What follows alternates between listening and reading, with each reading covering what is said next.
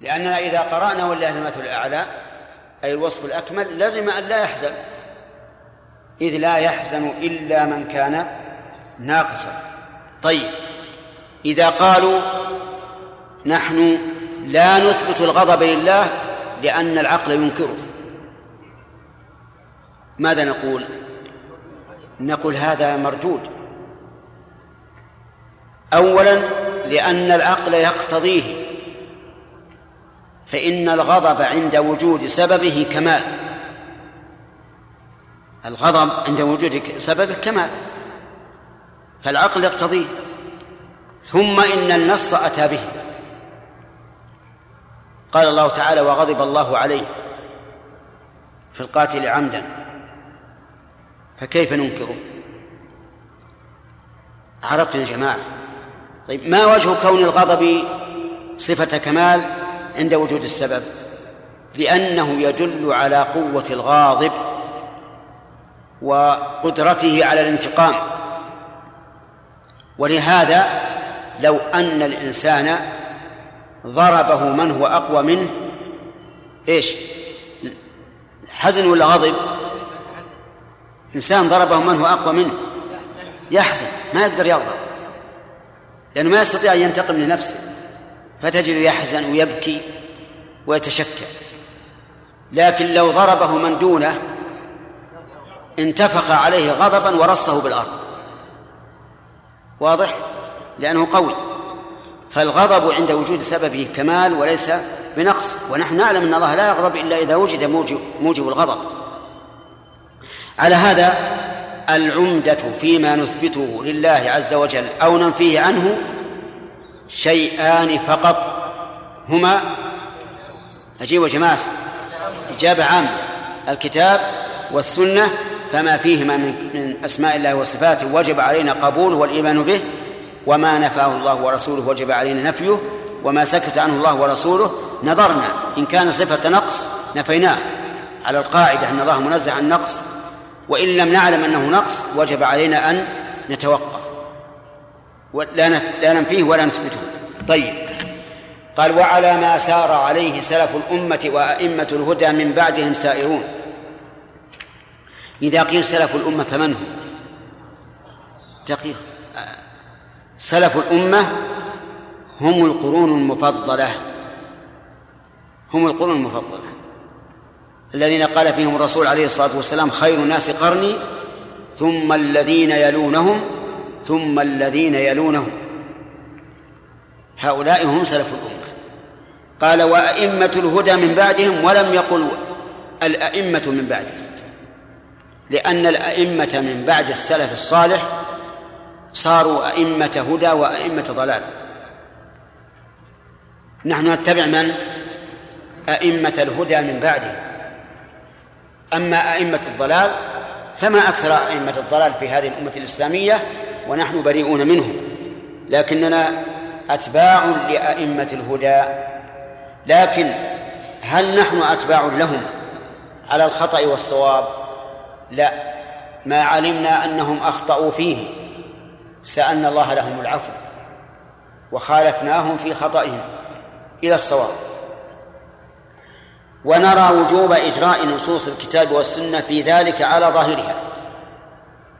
نرى المؤلف يتكلم بلسان أهل السنة وليس يتكلم بلسان نفسه ويعظم نفسه لكنه يتكلم بلسان أهل السنة يقول نرى وجوب إجراء نصوص الكتاب والسنة في ذلك أي فيما وصف الله به نفسه على ظاهرها وحملها وحملها أي وجوب حملها على حقيقتها اللائقة بالله عز وجل. وهذا وجه ذلك وجه الدلالة على هذا آه، قول الله تبارك وتعالى إنا جعلناه قرآنا عربيا. إيش؟ لعلكم تعقلون أي تفهمون. وقال اتبعوا ما أنزل إليكم من ربكم ولا تتبعوا من دونه أولياء قليلا ما تذكرون. فالدليل على وجوب إجرائها على ظاهرها هاتان الآيتان. الأولى اقرأها. اقرأها. احذر أن تقوم أن تقوم من مقامك. أو أن تقام من مقامك. لا. وين رحت؟ ها؟ طيب قل لي معناها. لا ما هي هذا لا لا ما هي هذا نعم. لعلكم تعقلون. يعني صيرناه بلسان العرب من أجل أن تفهموه. ثم قال اتبعوا ما أنزل إليكم من ربكم. فأمرنا باتباعه على الفهم الذي نفهمه بمقتضى اللغة. إيش؟ العربية. لأن الله تعالى قال إنا جعلناه قرآنا عربيا. وعلى هذا فإذا دل الكتاب والسنة على معنى نفهمه بمقتضى اللغة العربية وجب علينا أن إيش؟ أن نتبعه من ذلك قول الله تعالى ثم استوى على العرش الأخ ما معنى استوى على العرش؟ ها؟ يعني على عليه ها؟ أو العرش فوق السماوات لكن معنى استوى عليه يعني على عليه. أي نعم. استوى على عليه. كذا؟ صحيح. استوى على العرش يعني على على العرش. الدليل أن استوى على كذا في اللغة العربية بمعنى على عليه. قال الله تعالى فإذا استويت أنت ومن معك على الفلك وقال تعالى وجعل لكم من الفلك والأنعام ما تركبون لتستووا على ظهوره على ظهوره وخذ بقية الأمثلة على هذا. ما دل عليه القرآن بمقتضى اللغة العربية فخذ به. ولا ولا تحزن. خذ به ولا تحزن. لأن هذا هو الذي أمرك الله به. اتبعوا ما أنزل إليكم من ربكم. ولهذا قال نرى وجوب إجراء نصوص الكتاب والسنة في ذلك على ظاهرها وعرفتم الدليل. قال وحملها على حقيقتها. وهذا من تمام إجرائها على ظاهرها أن نحملها على حقيقتها لكن قال اللائقة بالله وهذا محط الفائدة. اللائقة بالله يعني لا على ظاهرها المماثل للمخلوق. لا ما نرى هذا. نرى حملها على ظاهرها إيش؟ اللائق بالله. ولهذا لو قال لك قائل استوى الله على العرش على عليه كما يعلو أحدنا على الكرسي. قل قل.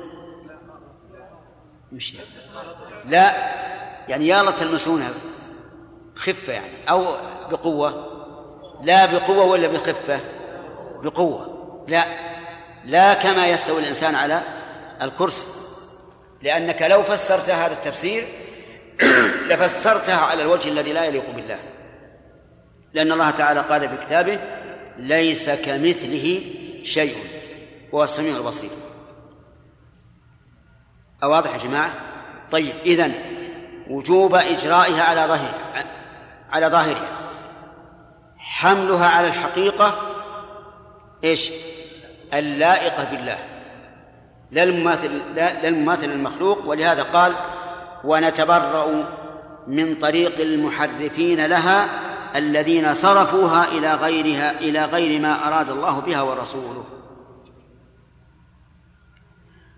نتبرأ من هذه الطريقة.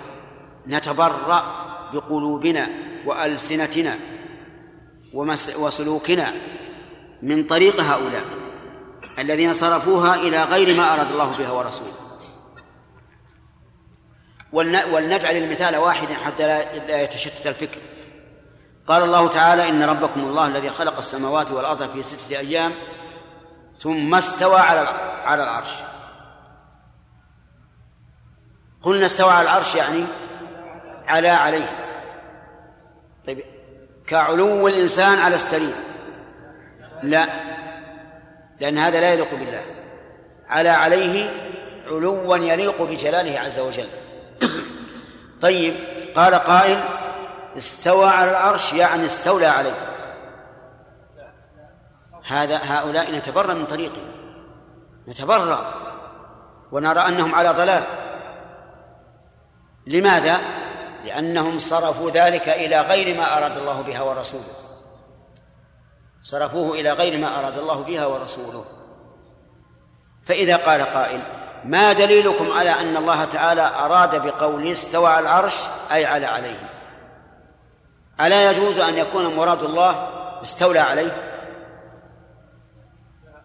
الجواب لا لا يجوز. لأنه لو جاز ذلك لكان الله تعالى لم يجعل القرآن تبيانا ولم يجعله فرقانا.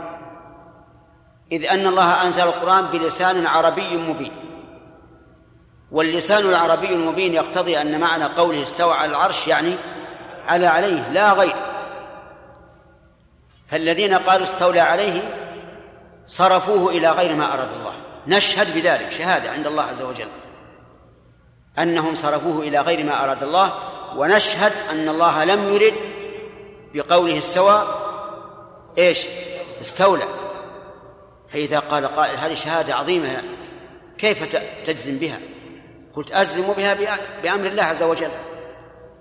إنا جعلناه قرآنا عربيا اتبعوا ما أنزل إليكم. فأمر الله عز وجل أن أن نتبع القرآن على ما نزل باللغة العربية. وهو نزل باللغة العربية بإيش؟ على أن استوى بمعنى إيش؟ بمعنى على. فأنا أشهد على الله أنه أراد بقوله استوى على العرش أي على عليه. أشهد على الله بذلك لأنه أمرني بذلك. أمرني أن نتبع ما أنزل إلي بمقتضى اللسان العربي. انتبهوا يا أخواني. لا يهولنكم أن يقول قائل كيف تشهد على الله هذه الشهادة؟ هذه شهادة عظيمة. أقول نعم أشهد على الله بأمر الله. لأن الله قال اتبعوا ما أنزل إليكم. هذا الذي أنزل إليكم أنزل إلينا بلسان عربي مبين وهذا معنى استوى على باللسان العربي المبين. فنحن نتبرأ من طريق الذين حرفوا الكلمة عن مواضعه وصرفوا المعنى إلى غير ما أراد الله ورسوله. مثل من؟ الأشاعرة. الأشاعرة المعتزلة الجهمية ومن سلك سبيله. كل هؤلاء محرفون للكلمة عن مواضعه واقعون فيما وقعت فيه الأمم من قبلنا. طيب. ومن طريق المعطلين لها الذين عطلوها عن مدلولها الذي أراد الله ورسوله. هذا طريق آخر غير الأول. الأول في الحقيقة تضمن التعطيل والتحريف لأن الذي يقول استوى استولى على العرش. عطل النص عن معناه الذي أراد الله وأثبت له معنى جديدا من كيسه. أنتم معي يا أخوان؟ الطريق الثاني عطلوا النص عن مراد الله ولكن لم يثبتوا له معنى. وهذا طريق من يسمون بالمفوضة أهل التجهيل. الذين إذا قيل لهم ما معنى قوله استوى على العرش قالوا لا نثبت له معنى. الله أعلم. يا جماعة أثبتوا معنى قال ما نثبت. هؤلاء عطلوا النصوص عن إيش؟ عما أراد الله بها. أراد الله أن نثبت استواء على العرش وهؤلاء قالوا إيش؟ ما نعلم. إيش يعملون؟ قال نحن نقرأ القرآن ولكن لا نفسره. نقول أنتم معطلة. عطلتم النص عما أراد الله به. أفهمتم يا جماعة؟ طيب في طريق ثالث. ومن طريق الغالين فيها الذين حملوها على التمثيل. أو تكلفوا لمدلولها التكييف. هذا هذا طريق ثالث. هؤلاء غلوا في الإثبات. هؤلاء غلوا في الإثبات. أثبتوا لله ما أثبته لنفسه لكن غلوا والغلو معناه الزيادة. ومنه غلي القدر لأنه إذا غلا إيش؟ ارتفع. هؤلاء غلوا في الإثبات. قالوا نثبت أن الله استوى على العرش حقيقة وأن معنى الاستواء كما يستوي أحدنا على الكرسي هؤلاء إيش هم؟ ممثلة غلوا في الإثبات وقالوا لله يد ويده كأيدينا غلوا في الإثبات هل نحن نتبرأ من هذا الطريق؟ نعم نتبرأ من هذا الطريق لأن فيها غلوا فصرنا نتبرأ من ثلاث طرق. الطريق الأول طريق المحرفين الذين أثبتوا لها معنى لا يريده الله ورسوله. الثاني طريق المعطلة الذين عطلوها عن المعنى المراد لكن لم يذكروا معنى آخر وهؤلاء هم المفوضة. والثالث طريق من؟ طريق الغالين في الإثبات. الذين أثبتوها مع التمثيل. نتبرأ من هذه الطرق الثلاث كلها. فإذا قال قائل لماذا لا نسلك الطريق الوسط من الطرق الثلاث؟ وهي السكوت. نقول هذا حرام. لأن السكوت يعني التعطيل. والله عز وجل يقول ليدبروا آياته. وهذا السكوت. يقول شيخ الإسلام رحمه الله إنه شر أقوال أهل البدع والإلحاد. وبعض الناس يظنه خيرا وهو شر. والعجب أن بعض الناس المطلعين الذين نحسن الظن بهم يظن أن هذا مذهب السنة مذهب أهل السنة ومذهب السلف. وهي طريقة إيش؟ التفويض وعدم الخوض وأن نقول لا نعلم. ولهذا حكي عنهم العبارة الكاذبة المتناقضة الباطلة وهي قولهم طريق السلف أسلم وطريق الخلف أعلم وأحكم. هذه عبارة كاذبة باطلة متناقضة. لأن حقيقة الأمر أن طريق السلف أسلم وأعلم وأحكم. نعم.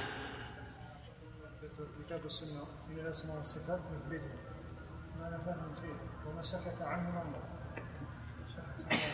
نقول ما سكت عنه نسكت لا. نقول ننظر. لأنه إذا دل على معنى لا يليق بالله فقد تكلم عنه الشارع ونفاه الله عن نفسه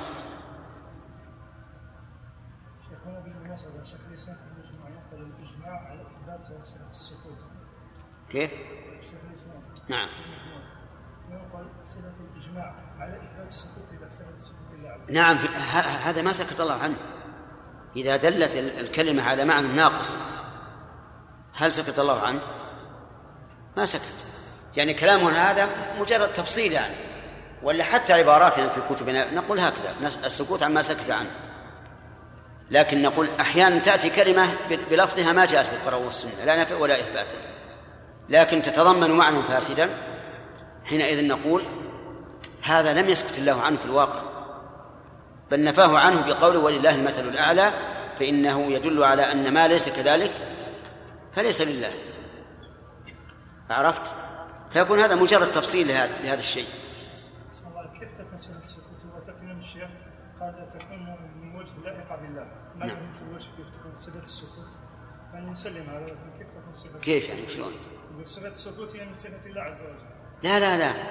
سكوت الله يعني السكوت الموصوف به الله نعم. لا لا أنا ظننت أنك تقول ما أثبته الله أثبتناه وما نهاه وما لم يثبته ولم ينفي سكتنا عنه. ظننت أن هذا مرادك. سؤال جيد السكوت نقول إن الله فعال لما يريد. فإن شاء تكلم وإن شاء سكت. هذا معنى. نعم. شيخ بارك الله فيك. شيخ الإسلام يقول إن طريق الفوضى هو شر الطرق نعم. طريقهم احتوى على أمر واحد. إيش؟ طريقهم نقول طريق المفوضة احتوى أمر واحد وهو السكوت اما طريق المحرفة احتوى امرين وهو التعطيل ثم التحريف أي نعم. نعم. نعم. لأن طريق المفوضة قدح في القرآن. قدح في القرآن. إذ أنه يقتضي أن القرآن أتى بكلام لا فائدة منه.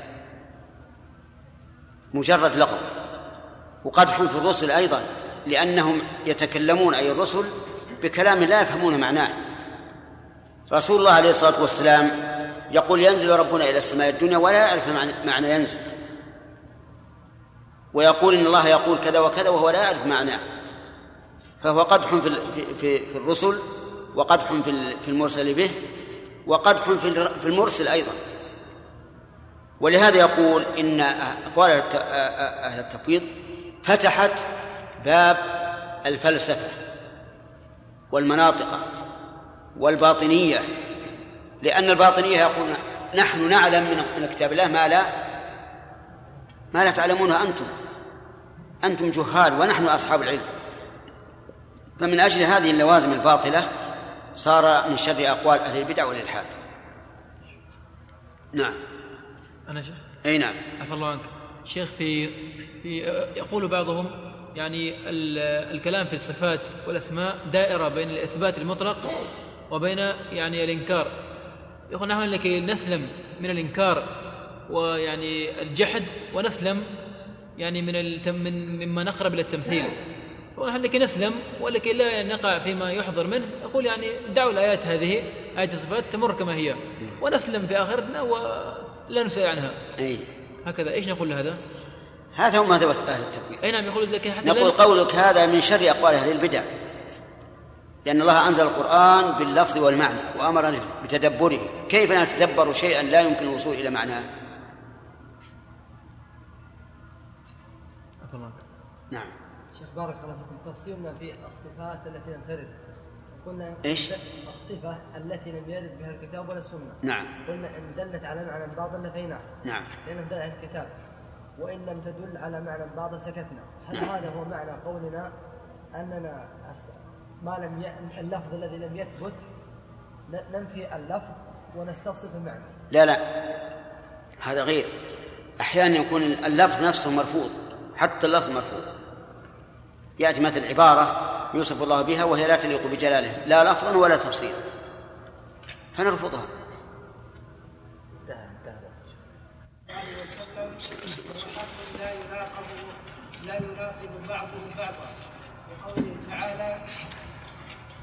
يتدبرون القرآن ولو كان من عند غير الله لوجدوا فيه اختلافا كثيرا. ولأن التناقض في الأخبار يستلزم تكذيب بعضها بعضا. وهذا محال في خبر الله تعالى ورسوله صلى الله عليه وآله وسلم.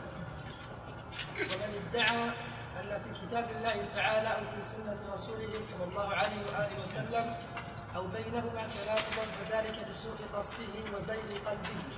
فليتب إلى الله تعالى ولينزع ولينزع عن ينزع. ولينزع عن غيره. ومن توهم التناقض بكتاب الله تعالى أو في سنة رسوله صلى الله عليه وآله وسلم أو بينهما فذلك إما لقلة علمه أو قصور فهمه أو تقصيره في التدبر. فليبحث عن العلم وليجتهد في التدبر حتى يتبين له الحق. فإن لم يتبين له فليكل, فليكل الأمر إلى عالمه وليكف عن توهمه. وليقل كما يقول الراسخون في العلم آمنا به كل من عند ربنا. وليعلم أن الكتاب والسنة لا تناقض لا, لا. تناقض فيهما ولا بينهما ولا اختلاف. الحمد لله رب العالمين وصلى الله وسلم على نبينا محمد وعلى آله وأصحابه ومن تبعهم بإحسان إلى يوم الدين. سبق لنا أن أهل السنة والجماعة يتبرؤون من ثلاث من ثلاثة طرق. نعم مسعود. لا الأول.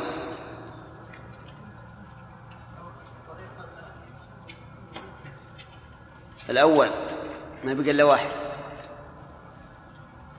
الله يهديك يا مسعود. أنا أتعجب منك أنت أنك من القادرين على الحرص والاجتهاد والذين عندهم ذكاء ومع ذلك تهمل هذا الإهمال. تأتي بلا بلا بلا كتاب الآن. وين كتاب؟ أنا ألم أقول لكم أمس اللي ما عنده شيء يقدم اسم الحجاج. طيب. أي نعم. المحرفين من هم؟ إيه وش معنى يحرفون عن مواضع؟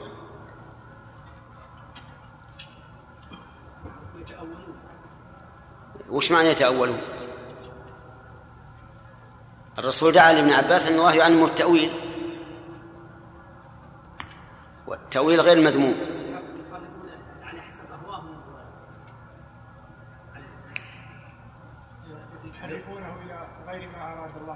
أحسنت.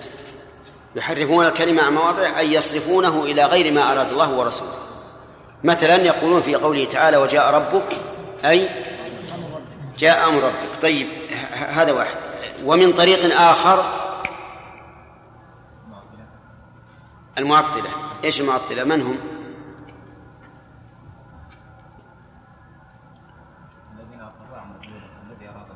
أحسنت. الذين عطلوها عن مدلولها الذي أراد الله ورسوله. من هؤلاء؟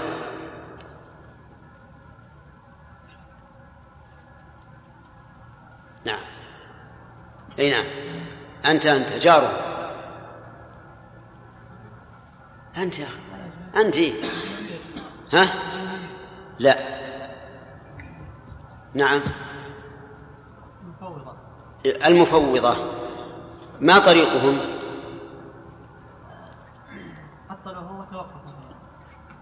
يعني لا يتكلمون في المعنى اطلاقا. يقرؤون الألفاظ ولا ولا يتكلمون في المعنى. طيب. الثالث؟ أي طريق الغالين في الإثبات. الذين في الإثبات فأثبتوها على وجه يماثل. طيب. المخلوق.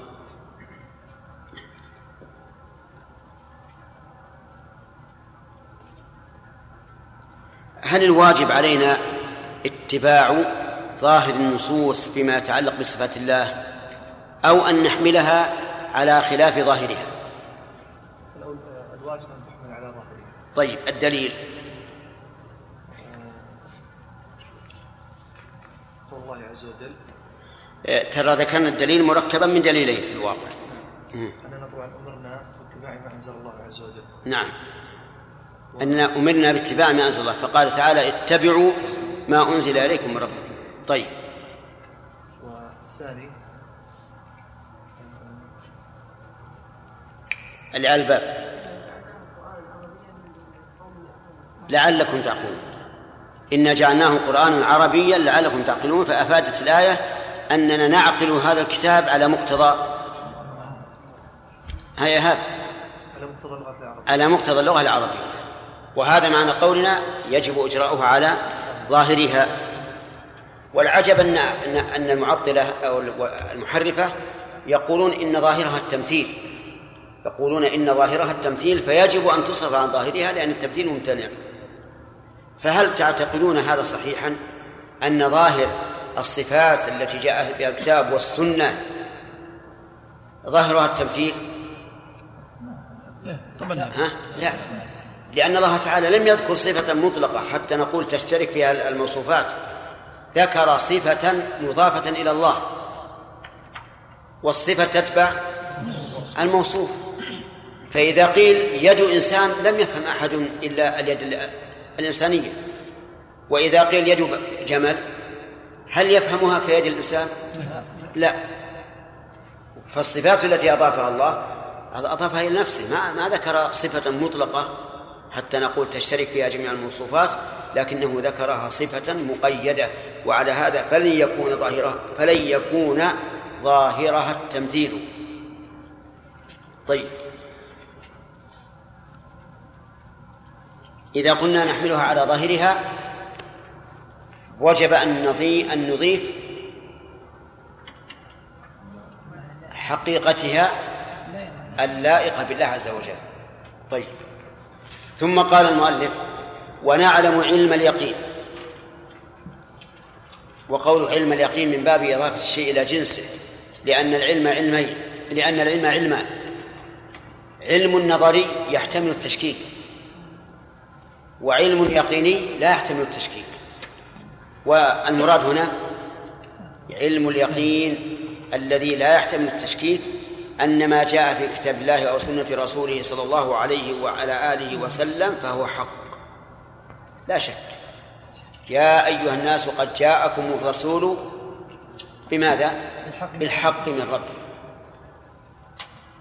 ومن أصول الدين أن نشهد بأن رسول الله صلى الله عليه وسلم حق والساعة حق.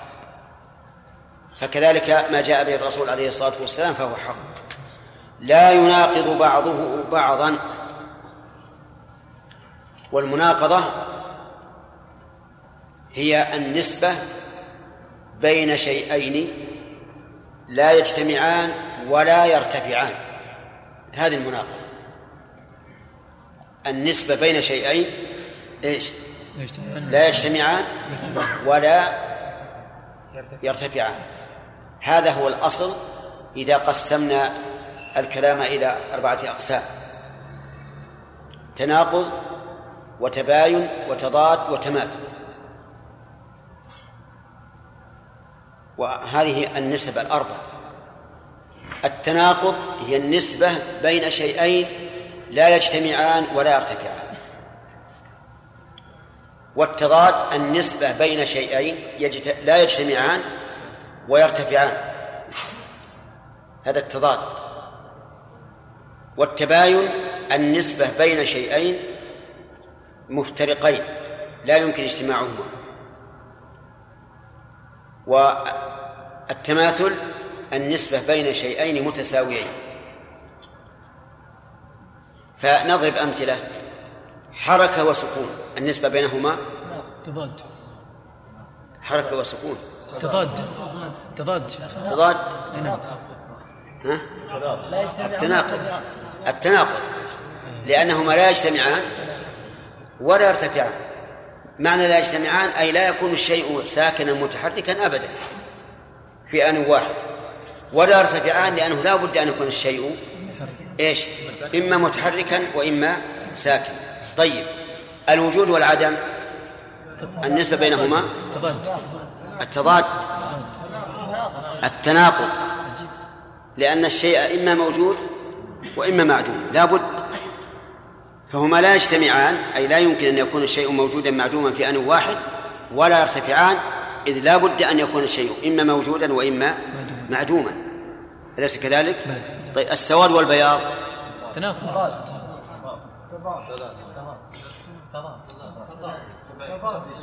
فكروا يا جماعة تضاد. لأنهما لا يجتمعان. كذا؟ لا يجتمعان. ما يمكن يكون الشيء أسود أبيض في آن واحد. وي- ويرتفعان. يمكن أن يرتفعا. فيكون الشيء أحمر مثلا. إذن النسبة بينهما التضاد. التباين حجر وإنسان. حجر وإنسان هذان متباينان. بينونة كاملة. لا يمكن أن يجتمعا فيكون الإنسان حجرا والحجر إنسانا و و و و وذات وذاتهما تباين إحداهما الأخرى. بشر وإنسان النسبة بينهما؟ اجتماع. تماثل. التماثل تمام. طيب على كل حال نحن في قولنا حق لا يناقض بعضه بعضا. آه، نريد بذلك أنه لا يمكن أن يكون القرآن أو السنة يدل على شيئين النسبة بينهما التناقض. ممكن لا يمكن هذا إطلاقا. الدليل قوله تعالى أفلا يتدبرون القرآن ولو كان من عند غير الله لوجدوا فيه اختلافا كثيرا. الاستفهام هنا للتوبيخ والإنكار. يعني لماذا لا يتدبرون القرآن؟ لو تدبروا القرآن ما وجدوا فيه اختلافا ولا تناقضا. وهم يقولون إنما إنما يق... نعم إنما يقوله بشر أو إنما يعلمه بشر. لو كان الذي يعلمه بشرا لوجد التناقض والاختلاف في القرآن. فليتدبروا القرآن؟ هل فيه تناقض؟ يقول عز وجل لا. ولو كان من عند غير الله لوجدوا فيه اختلافا كثيرا ليس اختلافا سهلا. لأنه لا بد أن يت- أن يتناقض وأن يختلف. فإن قال قائل نجد في القرآن أشياء ظاهرها التعارض والتناقض. فما موقفنا نحو هذا؟ سيأتي بيان ذلك. يقول ولأن التناقض في الأخبار يستلزم تكذيب بعضها بعضا. صحيح. يعني لو أخبر الله بخبر ثم أخبر بما يناقض ذلك الخبر لزم من ذلك إيش؟ أن يكون أحدهما كاذبا وهذا ينزه عنه كلام الله وكلام رسوله وهذا محال في خبر الله ورسوله ثم قال ومن ادعى أن في كتاب الله تعالى أو في سنة رسوله صلى الله عليه وعلى آله وسلم أو بينهما أن فيهما أو بينهما تناقضا فذلك لسوء قصده. الفرق بين قولنا في كتاب الله أو في سنة رسوله وقولنا أو بينهما ظاهر. في كتاب الله يعني بعضه مع بعض. في سنة رسوله يعني بعضها مع بعض. بينهما يعني بين الكتاب والسنة. إذا ادعى تناقضا فذلك لسوء قصده وزيغ قلبه فليتب إلى الله ولينزع عن غيره. صحيح. أي إنسان يقول القرآن متناقض فإنه سيء القصد. نعم. وزائغ القلب والعياذ بالله. أي إنسان يقول في السنة الثابتة عن رسول الله صلى الله عليه وسلم إن فيها تناقضا فهو سيء القصد. زائغ القلب. لأنه ما أراد بذلك إلا أن يصرف الناس عن كتاب الله وسنة رسوله. فهو سيء القصد وزاغ وزاغ القلب. ودليل هذا قول الله تبارك وتعالى ويل نعم ويل يومئذ للمكذبين الذين يكذبون بيوم الدين وما يكذب به إلا كل معتد أثيم إذا تتلى عليه آياتنا قال أساطير الأولين. كلا بل ران على قلوبهم ما كانوا يكسبون. وإلا فمن قلبه صاف لا يمكن أن يدعي أن في القرآن تناقضا أو في السنة تناقضا أو بينهما تناقضا. طيب. ف فإذا قال ذلك وأتى بشيء يلبس به فقال إن القرآن يقول ثم لم تكن فتنتهم إلا أن قالوا والله ربنا ما كنا مشركين. في هذه الآية أنهم أنكروا أنهم مشركون. أليس كذلك؟ إلا أن قالوا والله ربنا ما كنا مشركين. أنكروا أنهم كانوا مشركين وأقسموا على ذلك. لكن في القرآن في, في آية أخرى يقول يومئذ يود الذين كفروا وعصوا الرسول لو تسوى بهم الأرض. ولا يكتمون الله حديثا يعني ويومئذ لا يكتمون الله حديثا. فكيف الجمع بين هاتين الآيتين؟ آية تقول يقول الله فيها إنهم ينكرون أن يشركوا وآية يقول الله فيها إنهم لا يكتمون الله. ما الجمع؟ نقول نعم هذا ظاهرهم التعارض لكن الجمع إيش؟ الجمع أن نقول إن لهم حالين. حالا ينكرون فيها الشرك. لعلهم يسلمون. وحالا أخرى يقرون لأنها تشهد عليهم ألسنتهم وأيديهم وأرجلهم بما كانوا يكسبون. وهذا ممكن. لأن يوم القيامة كم مدته؟ خمسون ألف سنة. تتغير فيها الأحوال. يقول أيضا إن الله يقول ذلك الكتاب ولا ريب فيه هدى للمتقين الذين يؤمنون بالغيب. ويقول في آية في آية أخرى شهر رمضان الذي أنزل فيه القرآن هدى للناس. فمرة يقول للمتقين ومرة يقول للناس. هذا تناقض نقول ما ليس فيه التناقض. لماذا؟ لأن قوله هدى للمتقين يعني هداية الدلالة والتوفيق والانتفاع وهدى للناس هداية الدلالة. القرآن يهدي كل أحد يبين لكل أحد لكن من الذي ينتفع به؟ المتقون. وهكذا كثير من الآيات على هذا الوجه و ويمكن الجمع بينها لكن الذي في قلبه مرض يأتي بهذا للتشكيك. وقد ألف الشنقيطي رحمه الله صاحب أضواء البيان ألف رسالة سماها دفع إيهام الاضطراب عن آي الكتاب. ذكر فيه ما بلغه علمه من الآيات التي ظاهرها التناقض وجمع بينها. فليرجع إليه فإنه مفيد. طيب يقول المؤلف ومن توهم التناقض في كتاب الله أو في سنة رسوله صلى الله عليه وسلم أو بينهما فذلك إما لقلة علمه يعني علم يعني أن علمه قليل ما راجع ولا أدرك العلم. ومن كان علمه قليلا فنادي عليه بالجهل أو قصور فهمه. يعني أن علمه واسع لكنه إيش؟ قاصر الفهم. والناس يختلفون في الفهم اختلافا عظيما. من الناس من يفهم من آية واحدة مثلا عشر مسائل. وآخر لا يفهم منها إلا مسألة واحدة. يختلف الناس اختلافا عظيما في فهم كتاب الله وسنة رسوله ولهذا لما قال أبو جحيفة لعلي بن أبي طالب هل عهد إليكم النبي صلى الله عليه وسلم بشيء؟ قال لا قال لا والذي فلق الحبة وبرأ النسل إلا فهما يؤتيه الله تعالى في كتابه. إلا فهما. والناس يختلفون اختلافا عظيما في الفهم. انظر إلى هذا الفهم الدقيق. أن أقل الحمل الذي يمكن أن يعيشه الجنين كم؟ ستة أشهر. من أين أخذناها؟ ليس في القرآن ولا في السنة. أخذ من آيتين. قال الله تعالى وحمله وفصاله ثلاثون شهرا. كم ثلاث كم ثلاثين شهرا؟ سنة سنتان ونصف. وقال وفصاله في عامين أسقط عامين من ستة من, من ثلاثين شهرا كم يبقى؟ ستة أشهر. إذن الحمل أقله ستة أشهر. وأمثال هذا كثير. نعم أيضا قلة العلم. الثاني قصور الفهم.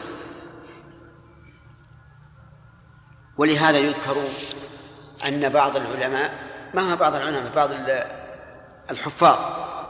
كان يحفظ كتاب الفروع الفروع كتاب فقه ألفه محمد بن مفلح أحد تلاميذ شيخ الإسلام ابن تيمية رحمه الله.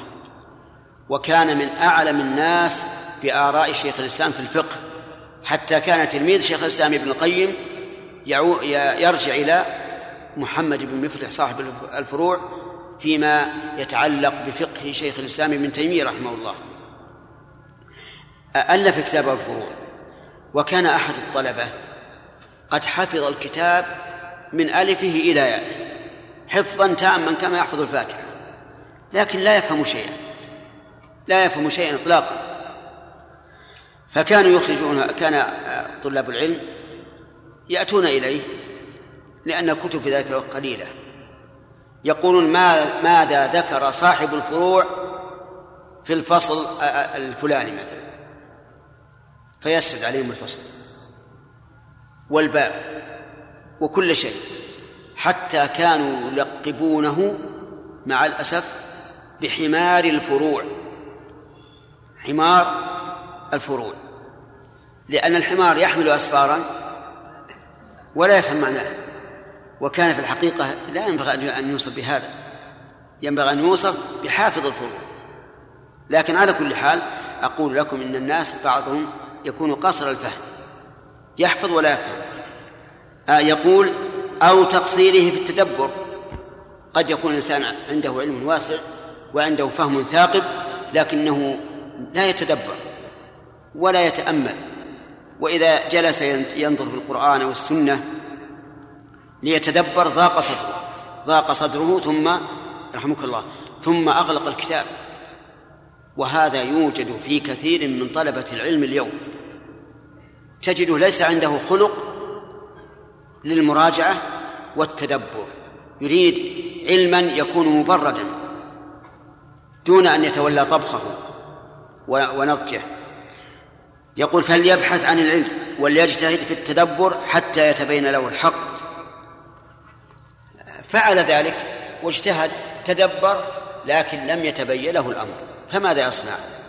يقول فإن لم يتبين له فليكل الأمر إلى عالمه وليكف عن توهمه وليقل كما يقول الراسخون في العلم آمنا به كل من عند ربنا وليعلم أن الكتاب والسنة لا تناقض فيهما ولا بينهما ولا اختلاف.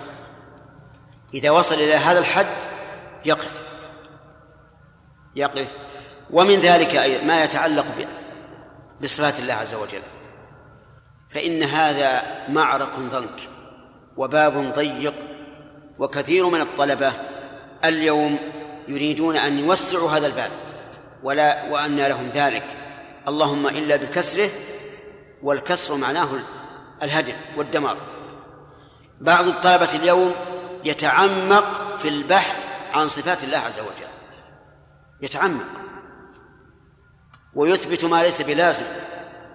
مثلا يقول لك إن خلوف فم الصائم عند الله أطيب من ريح المسك فهل يلزم من ذلك أن الله يشم؟ يبحث عن هذا. ولازم أن الله يشم. هل يلزم إذا كان يشم أن يكون له أنف؟ لأن الأنف أداة الشم وأمثال ذلك. هذا كله غلط. لله أصابع كما ثبت في الحديث. يقول لك كم عدد أصابع الله؟ عشرة؟ عشرون أقل أكثر كل هذا من التنطع المحرم. لأن النبي صلى الله عليه وسلم قال هلك المتنطعون؟ قال ذلك تحذيرا من التنطع. ولأن الصحابة أصفى منا قلوبا وأغزر منا علوما وأقوى منا فهوما وأشد منا حرصا ليسوا يسألون رسول الله صلى الله عليه وسلم عن مثل ذلك إطلاقا. ولما قال إن الله لا يمل حتى تملوا هل قالوا يا رسول الله هل الله يمل؟ نعم. أجيب. لا. أي إنسان يقول ذلك نقول هات الدليل أنهم قالوا هل هل الله يمل؟ بل سكتوا وعرفوا المراد. وهكذا يجب علينا يا إخواننا في هذه المسألة الضيقة الضنك أن لا نحاول التعمق في البحث عن صفات الله عز وجل. ما جاءنا قبلناه وكفى بنا فخرا وما لم يجئ إلينا سكتنا عنه. هذا هو الأدب مع الله ورسوله. والله موفق. نعم. نعم. شيخ بارك الله فيك. يعني يوجد في وقد عرفنا شيوخا يعني ليسوا بأقل في الفهم والحفظ والاجتهاد في العلم الشرعي. من غيرهم يعني. وظاهر حالهم ظاهر حالهم بأنهم يعني يعني يقصدون بذلك يعني وجه الله عز وجل ولا يريدون مثلا تضليل الناس أو كذا ولكنهم على غير الجاده في المعتقد وغيره. فيعني كيف يفسر ذلك؟ لا لقصور فهم ولا لنية على ما نظن ولا على نية مثلا التضليل أو كذا ولكنهم ضالون. هذا لا بد أن يكون أحد الأمور. لا يمكن إلا أن يكون أحد الأمور. لأنهم لو صدقوا الله لكان خيرا لا تفكر إنسان يريد الحق ويبحث عن الحق في مظانه وهو الكتاب والسنة و ولا ولا يهتدي إليه أبدا. لا بد أن يكون في قلوبهم شيء. شيخ أنا أقول هناك لعله ممكن سبب آخر وهو أن ينشأ في منشأ أو في بيئة لا يكون ساري الا ذاك المعتقد فلا يعرفون غيره. كان لم مثلا لا لا توجد كتب دينيه وغيره مثلا. وكل علماء ذلك البلد مثلا على عقيدة معينة ولم يعرفوا غيرها نعم. لا يمكن يكون هذا أيضا سبب يا شيخ. ويعذرون بكونهم لا لم ينتهي إليهم علم. هذه من من ناحية الحكم عليهم في الآخرة لا شك أنهم يعذرون. كل إنسان لم تبلغه الرسالة كلية أو جزئية فإنه يعذر عند الله عز وجل. لكن بشرط أن يعلم الله تعالى من نيته أنه لو لو علم بالحق لاتبع.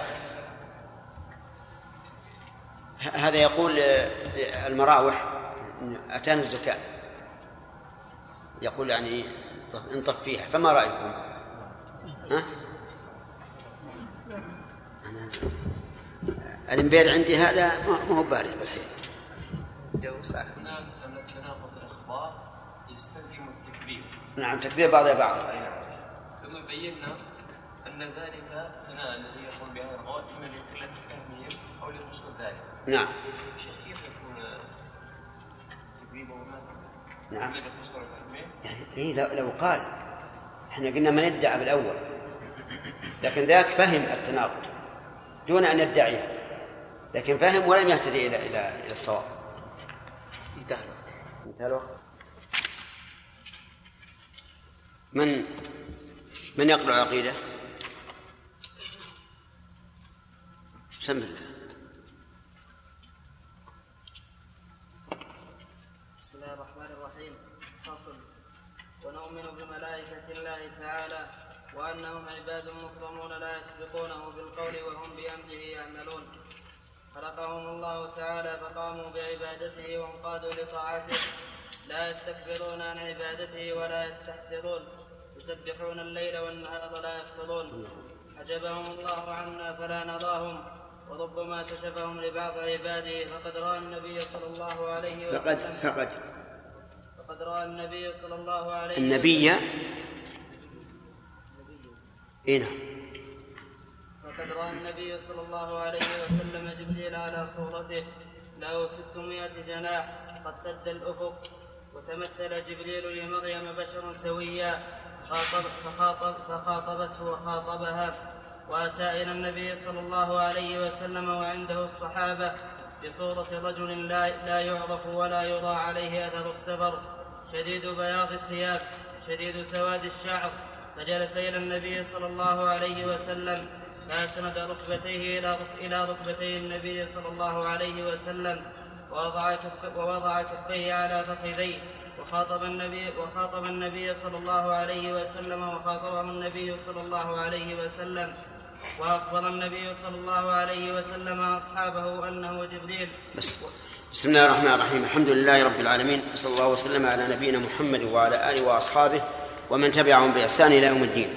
آه، سبق لنا أن القرآن لا يمكن أن يكون فيه تناقض. واستدلنا لذلك بقوله بقوله تعالى أفلا يتدبرون القرآن؟ ولو كان من عند غير الله لوجدوا فيه اختلافا كثيرا. ونبين الآن أن قوله أفلا يتدبرون القرآن تشير إلى أنه قد يكون في القرآن ما ظاهره التعارض فيحتاج إلى إيش؟ إلى تدبر وتأمل حتى يتبين أنه لا اختلاف فيه ولا تناقض. أشرنا سبق لنا أيضا أنه لا تناقض في السنة الصحيحة الواردة عن النبي صلى الله عليه وسلم. لأن رسول الله صلى الله عليه وسلم معصوم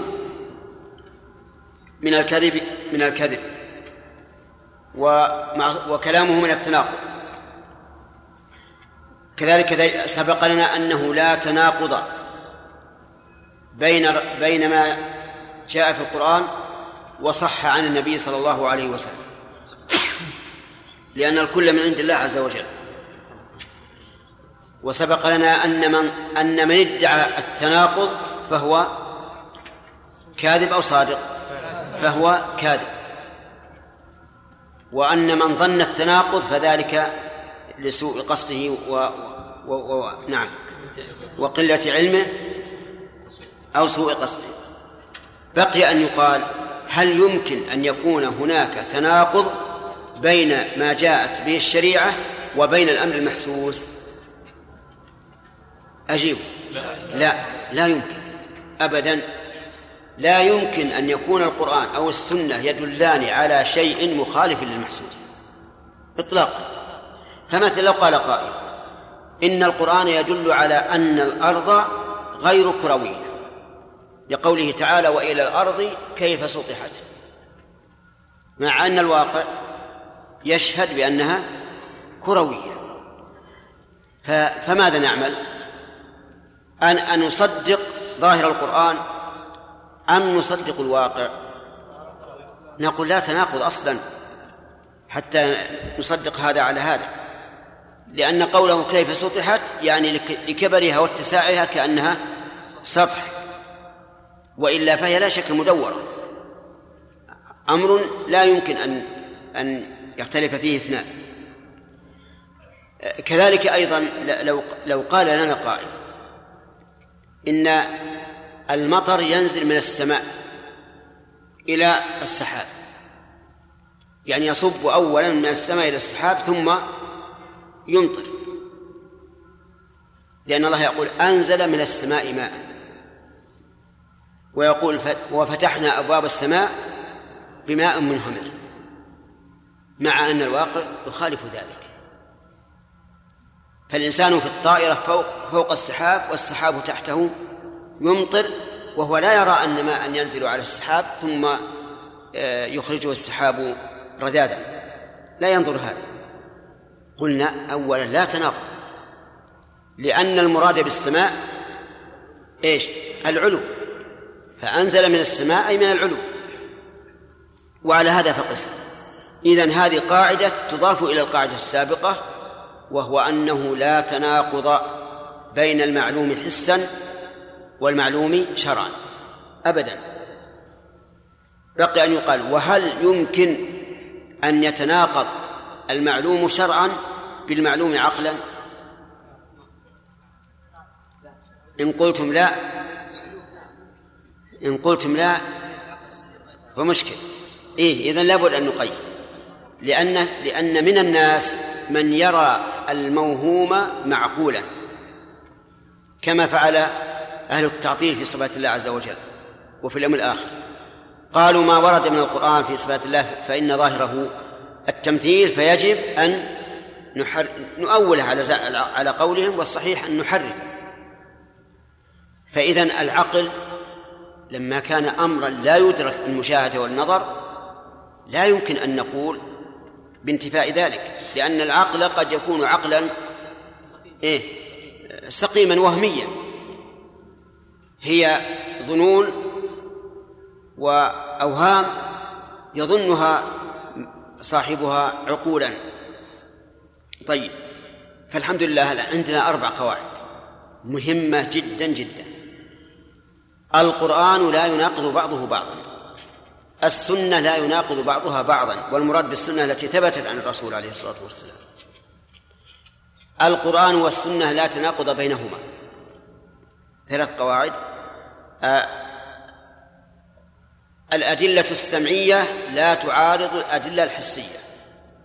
إذن خمس قواعد.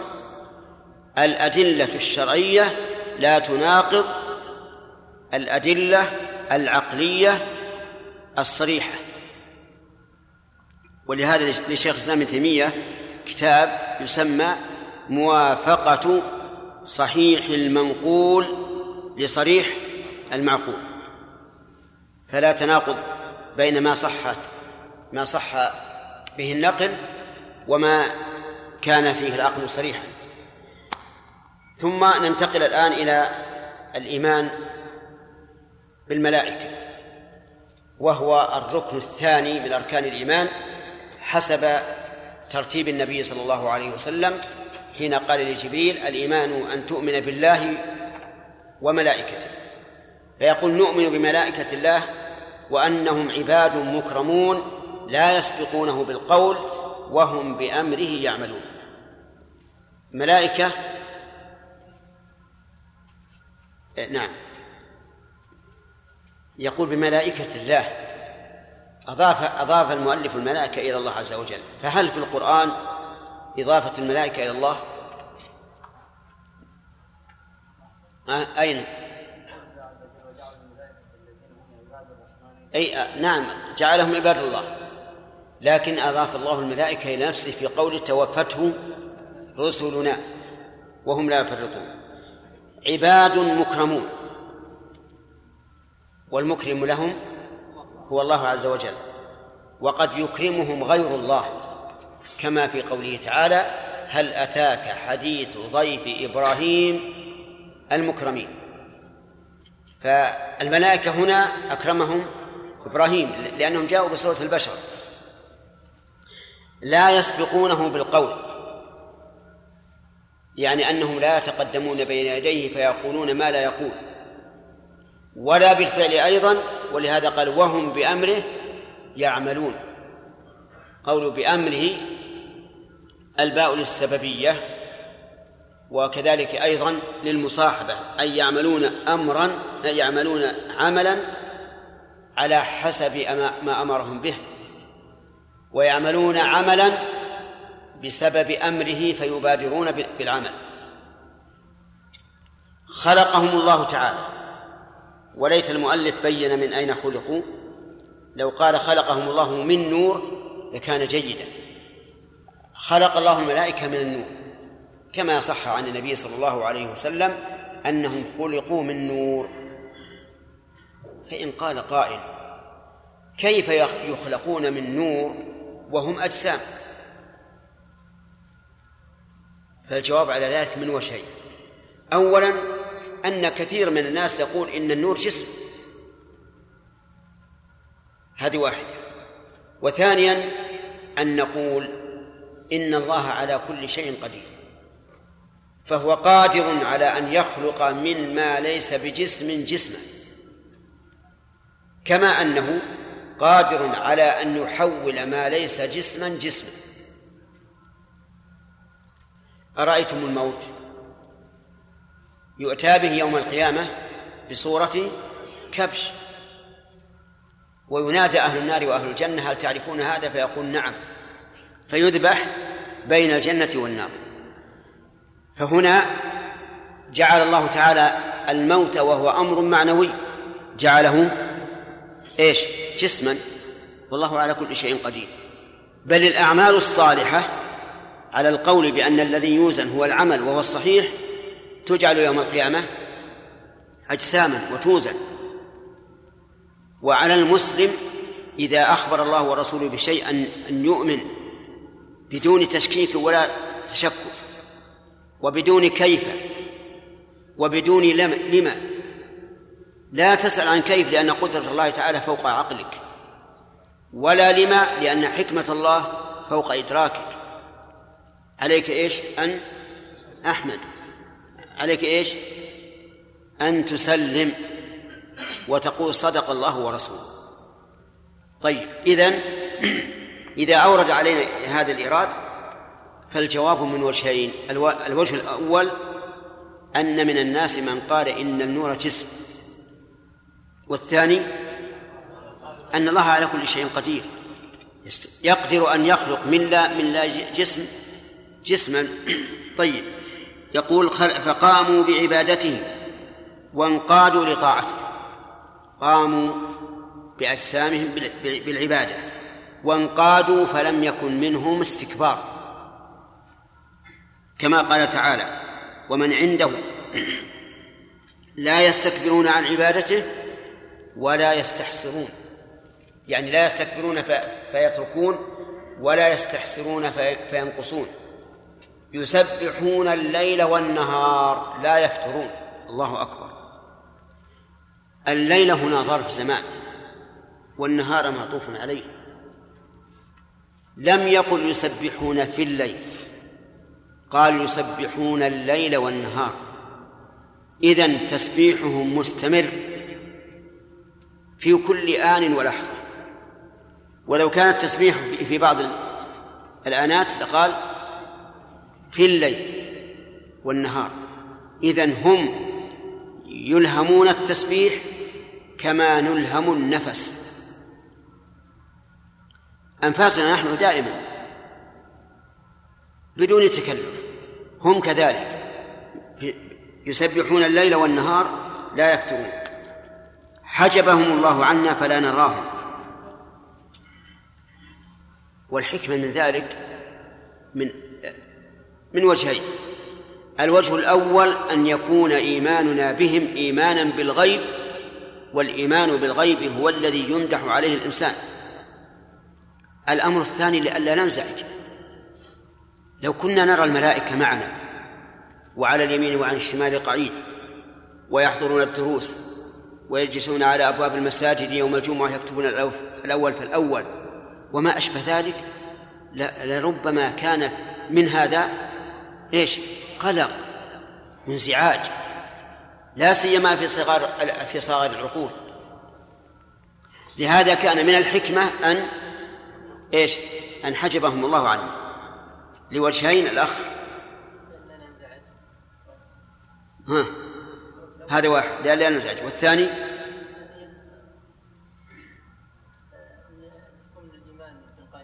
أن يكون الإيمان بهم من الإيمان بالغيب. والإيمان بالغيب هو الذي يحمد عليه الإنسان وهو الذي ينفع الإنسان. أما الإيمان بالمشاهدة لا يحمد عليه الإنسان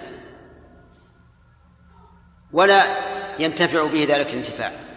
ولهذا إذا حضر الموت وآمن الإنسان بعد حضور الموت لا ينفعه الإيمان لأنه مشاهد الآن. طيب يقول حجبهم الله عنا فلا نراهم وربما كشفهم لبعض عباده.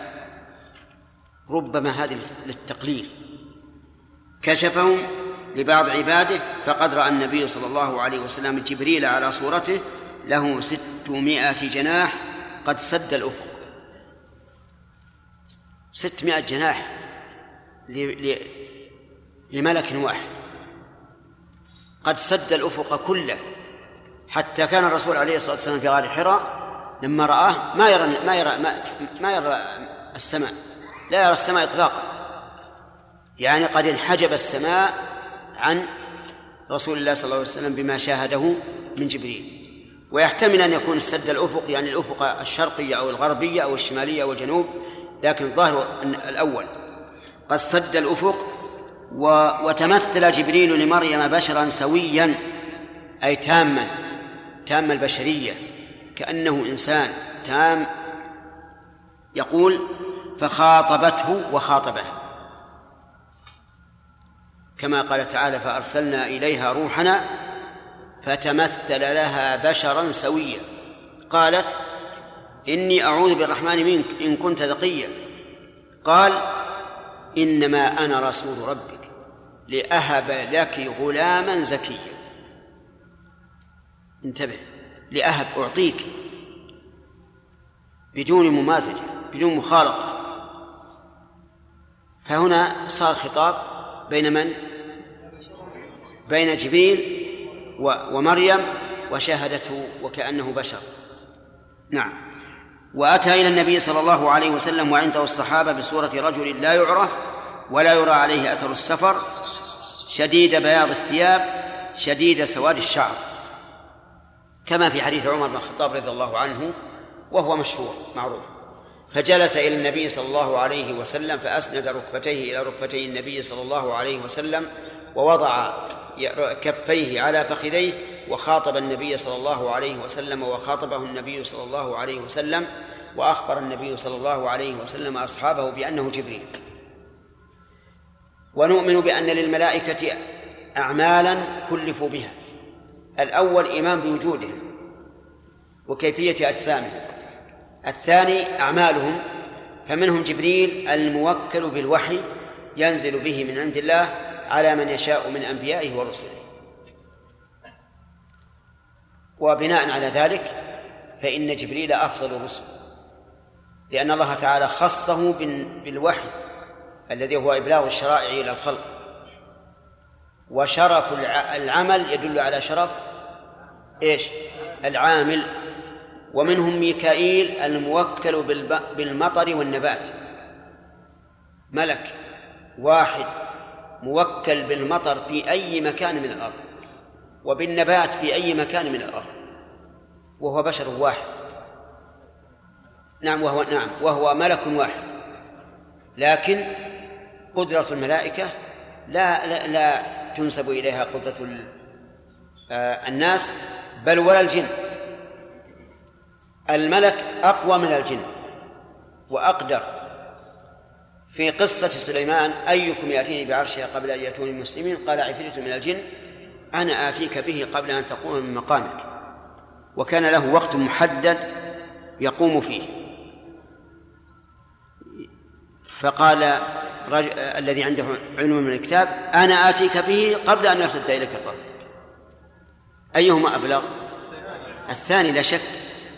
يقول فلما رآه فلما آتيك به قبل أن أن يرتد إليك ظهره فلما ألف تدل على الترتيب والتعقيب. رآه مستقرا عنده. قال هذا من فضل ربي.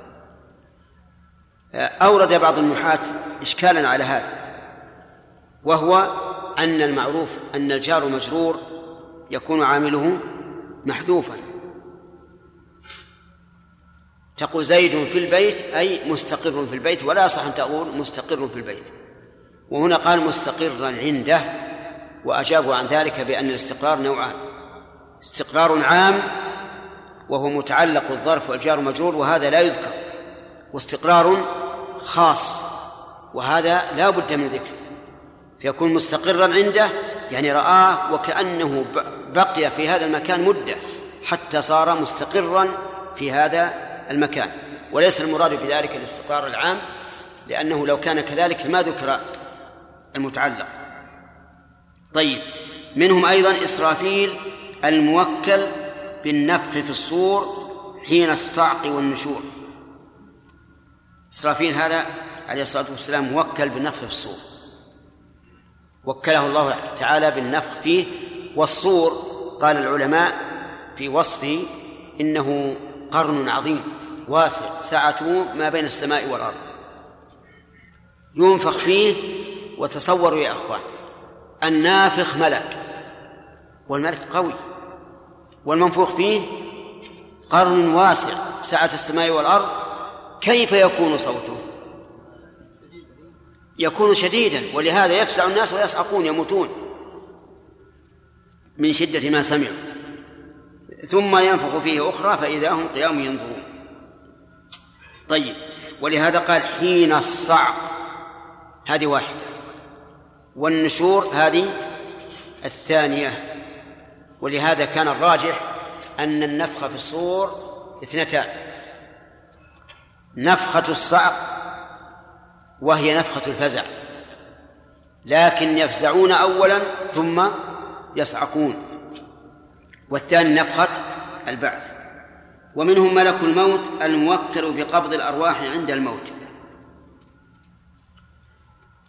ويدل لهذا قول الله تبارك وتعالى قل يتوفاكم ملك الموت الذي وكل بكم.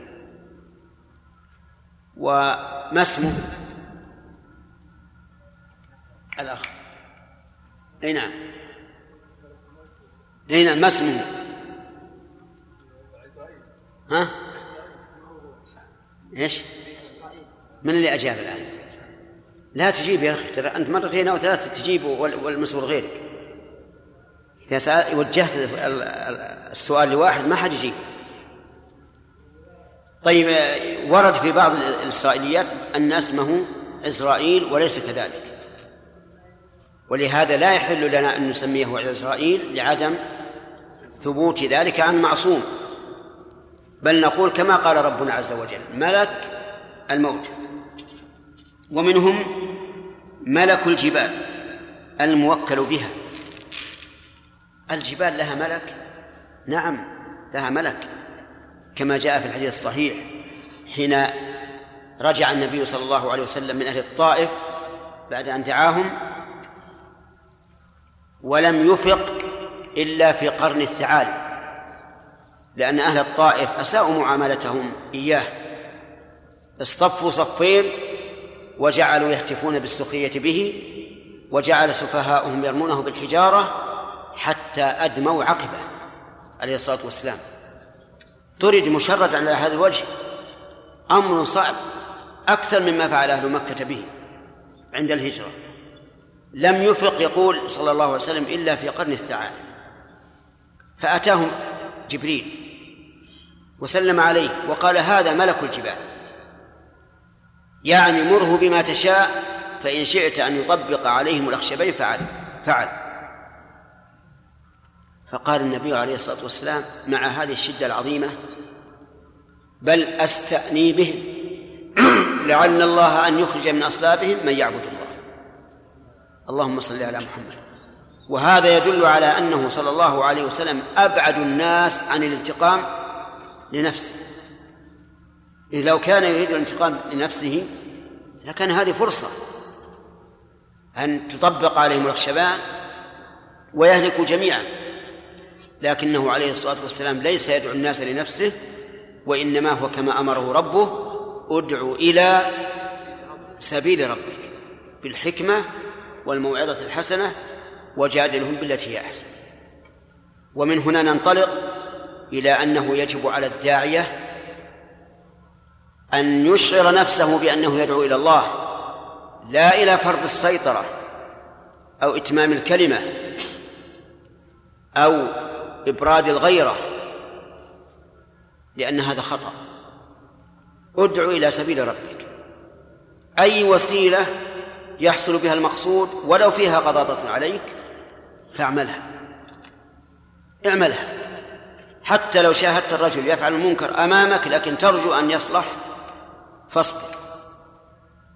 لأن المقصود ليس أن أن تطفئ حرارة الغيرة أو أن أن تنتقم لنفسك المقصود إصلاح هذا الرجل إلى دين الله عز وجل.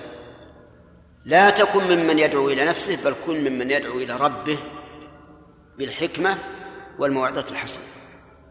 حتى لو أفضى الحال إلى أن تضحك بوجه هذا الفاسق من أجل إدخال السرور عليه واستعداده لقبول ما تقول فافعل.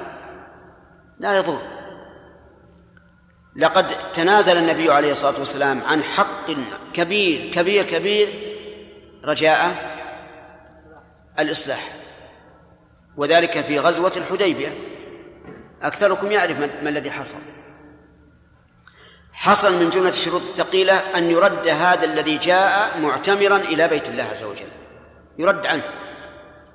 بينما لا يجي أعرابي من أخبث الناس شركا ليدخل إلى إلى يعتمر يرد أو لا يرد؟ لا يرد. هذه غضاضة عظيمة.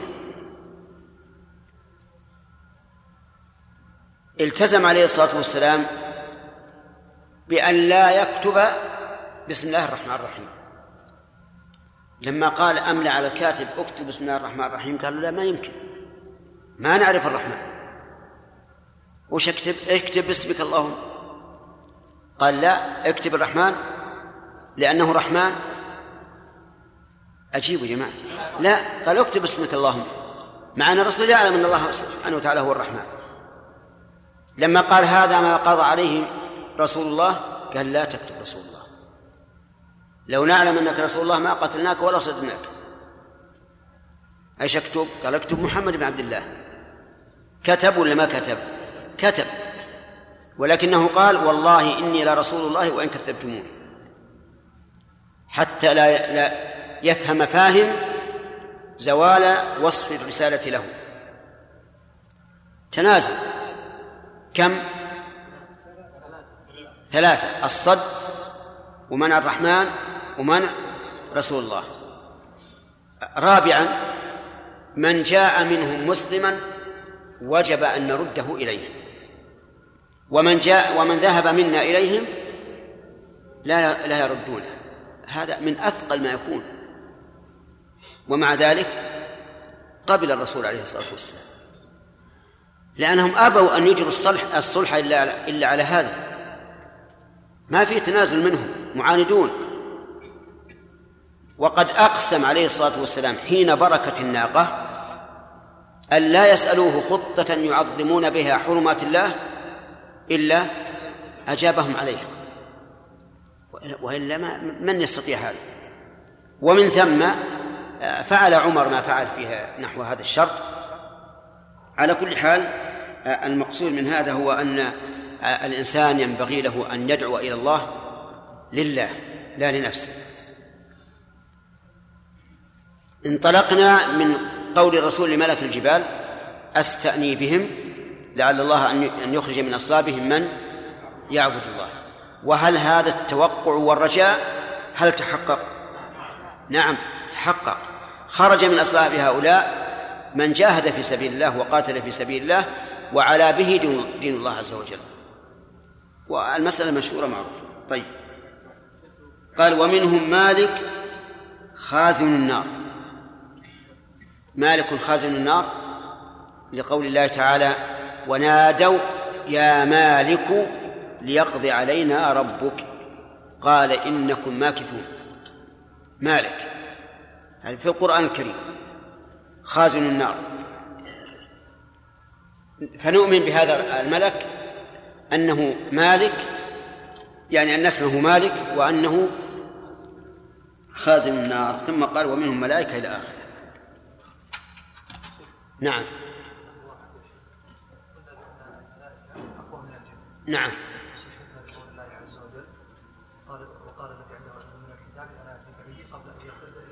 نعم. آه. أحسنت. كنت أظن أنكم عالمون بذلك. هذا الذي عنده من الكتاب قال العلماء إنه دعا الله باسمه الأعظم فحملت الملائكة عرش بلقيس إلى أن استقر عند سليمان. شيخ هنا في في مسألة مسائل عقدية إذا بعض الأحيان إذا أورد بعض الناس بعض الشبه التي قد ترد عليه أو قد يعرفها حتى بغير المكان الذي يدرس فيه مثلا ينكر عليه. هذا سابقا ولاحقا بعض العلماء ويقولون هذا أدعى أنها تنتشر هذه الشبهة وأن يكون لها قبول عند بعض الناس. وفي نفس الوقت نجد أن الله عز وجل ذكر شبه بعض الكفار المشركين مثلا من من أهل الكتاب رغم أنهم لم يكونوا موجودين في مكة أو في المدينة في مكة خاصة مع الصحابة وقد تكون شبههم غير معروفة لأنهم الصحابة كانوا أميين ورد عليها و مثل إيش؟ نعم مثل إيش؟ وقال مثلا ذكر عنهم أنهم يقولون المسيح ابن الله أن عزير ابن الله رد عليهم وأنه قالوا كذا غلت ابن الله مغلولا وين ذكر هذا؟ نعم وين ذكر هذا؟ أين ذكرت الآية عن المسيح ابن الله أو عزير بن الله؟ موجود هذا في القرآن الله في أي سورة؟ نعم في أي سورة؟ المدنية لكن على كل حال نحن نجيب آه، إن الله تعالى ذكر هذا للرسول عليه الصلاة والسلام أي ما يجري من أهل الكتاب ليكون مستعدا لهم لأنه لو قدم المدينة وهو لا يعرف عن أحوالهم شيئا باهتوه فذكر الله تعالى ما, ما ذكر من أحوالهم من أجل أن يكون الرسول صلى الله عليه وسلم مستعدا لمقابلتهم ومد- والمدافع عن الحق. وعن المشركين السابقين مثل عاد وثمود.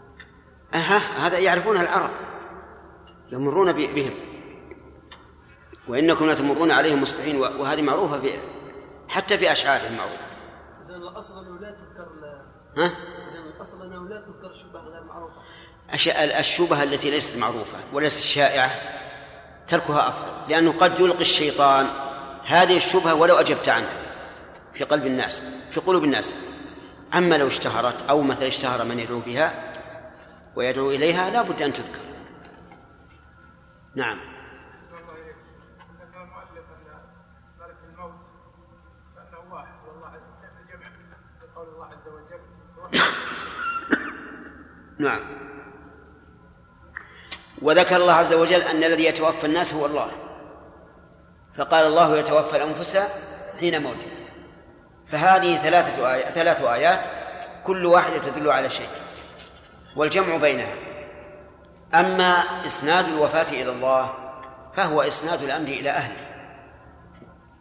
لأن هؤلاء الرسل الذين يقبضون الأرواح إنما يقبضونها بإيش؟ بأمر الله.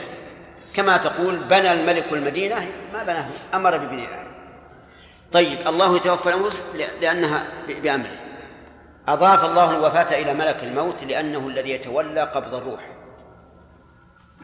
وأضافه إلى الرسل لأنهم يأخذون الروح بعد أن يقبضها ملك الموت لا يدعوها في في يده طرفة عين ثم يكفنوها بالكفن الذي معه. نعم.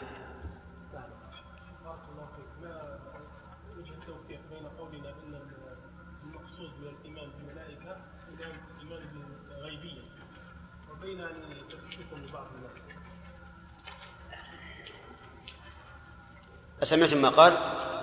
يقول كيف نوفق بين كونهم يظهرون لبعض الناس وبين قولنا إنهم من العالم الغيبي الأشياء النادرة لا تخرم القواعد الثابتة.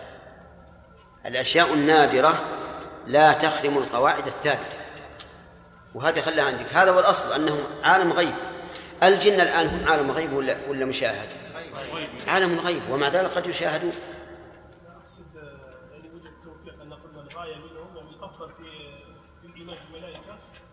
على انهم عالم غيبي وهذا هو المقصود. لأن الإيمان بالمشاهد لا يمدح هذه نادرة. الأصل فيهم أنهم عالم غيبي شيء نادر لا حكم له. طيب. 18 نقرأ لو وقفنا عليه. ومنهم ملائكة موكلون بالأجنة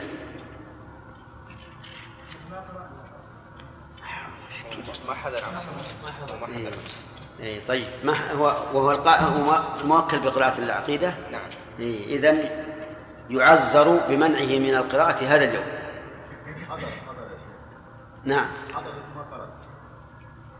يلا اقرأ. بسم الله الرحمن الرحيم. ومنهم ملائكة موكلون بالأجنة بالأرحام وآخرون موكلون بحفظ بني آدم. وآخرون موكلون بكتابة أعمالهم لكل شخص ملكان عن اليمين وعن الشمال قعيد ما يلفظ من قول إلا لديه رقيب عتيد. وآخرون موكلون بسؤال الميت بعد الانتهاء من تسليمه إلى مثواه يأتيه ملكان يسألانه عن ربه ودينه ونبيه فيثبت الله الذين آمنوا بالقول الثابت في الحياة الدنيا وفي الآخرة. ويضل, ويضل الله الظالمين ويفعل الله ما يشاء. ومنهم الملائكة الموكلون بأهل الجنة يدخلون عليهم من كل باب.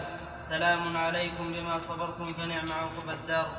وقد أخبر النبي صلى الله عليه وسلم أن البيت المعمور في السماء يدخله وفي رواية يصلي فيه كل يوم سبعون ألف ملك ثم لا يعودون إليه آخر ما عليهم. فصل. بسم الله الرحمن الرحيم. الحمد لله رب العالمين وصلى الله وسلم على نبينا محمد وعلى آله وأصحابه ومن تبعهم بإحسان إلى يوم الدين. من عقيدة أهل السنة والجماعة الإيمان بالملائكة مع أن الملائكة عالم غيبي لكن هذه فائدة الإيمان أن يؤمن الإنسان بالغيب كما يؤمن بالمشاهد ونحن ربما نتهم أعيننا وأسماعنا ولكن لا نتهم خبر الله ورسوله فنؤمن بوجود الملائكة كما سبق وبما ثبت من أعمالهم ووظائفهم. ومن ذلك ملائكة موكلون بالأجنة في الأرحام دليل ذلك حديث عبد الله بن مسعود رضي الله عنه قال حدثنا رسول الله صلى الله عليه وسلم وهو الصادق المصدوق. فقال إن أحدكم يجمع خلقه في بطن أمه أربعين يوما نطفة ثم يكون علقة مثل ذلك ثم يكون مضغة مثل ذلك ثم يبعث أو يرسل إليه الملك فينفخ فيه الروح ويؤمر بأربع كلمات بكتب رزقه وأجله وعمله وشقي أو سعيد.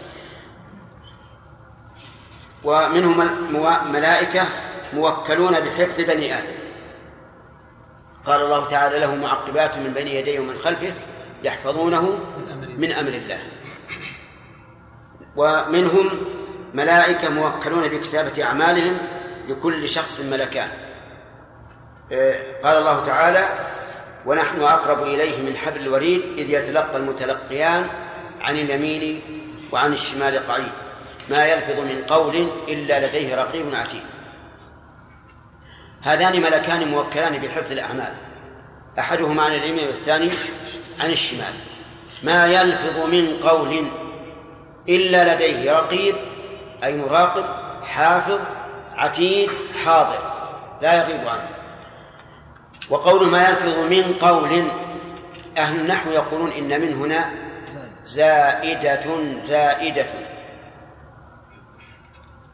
زائدة زائدة. ما معنى زائدة زائدة؟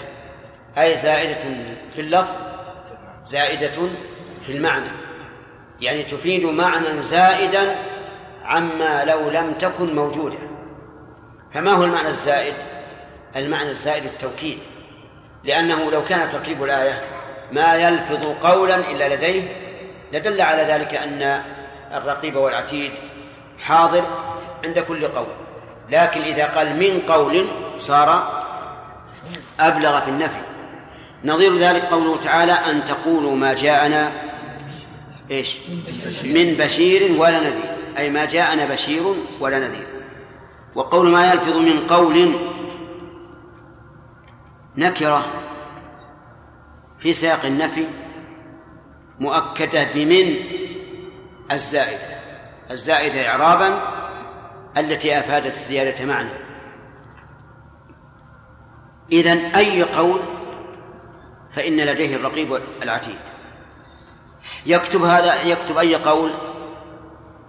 نقول أما الحسنات فتكتب ولا إشكال. وأما السيئات فتكتب بلا إشكال.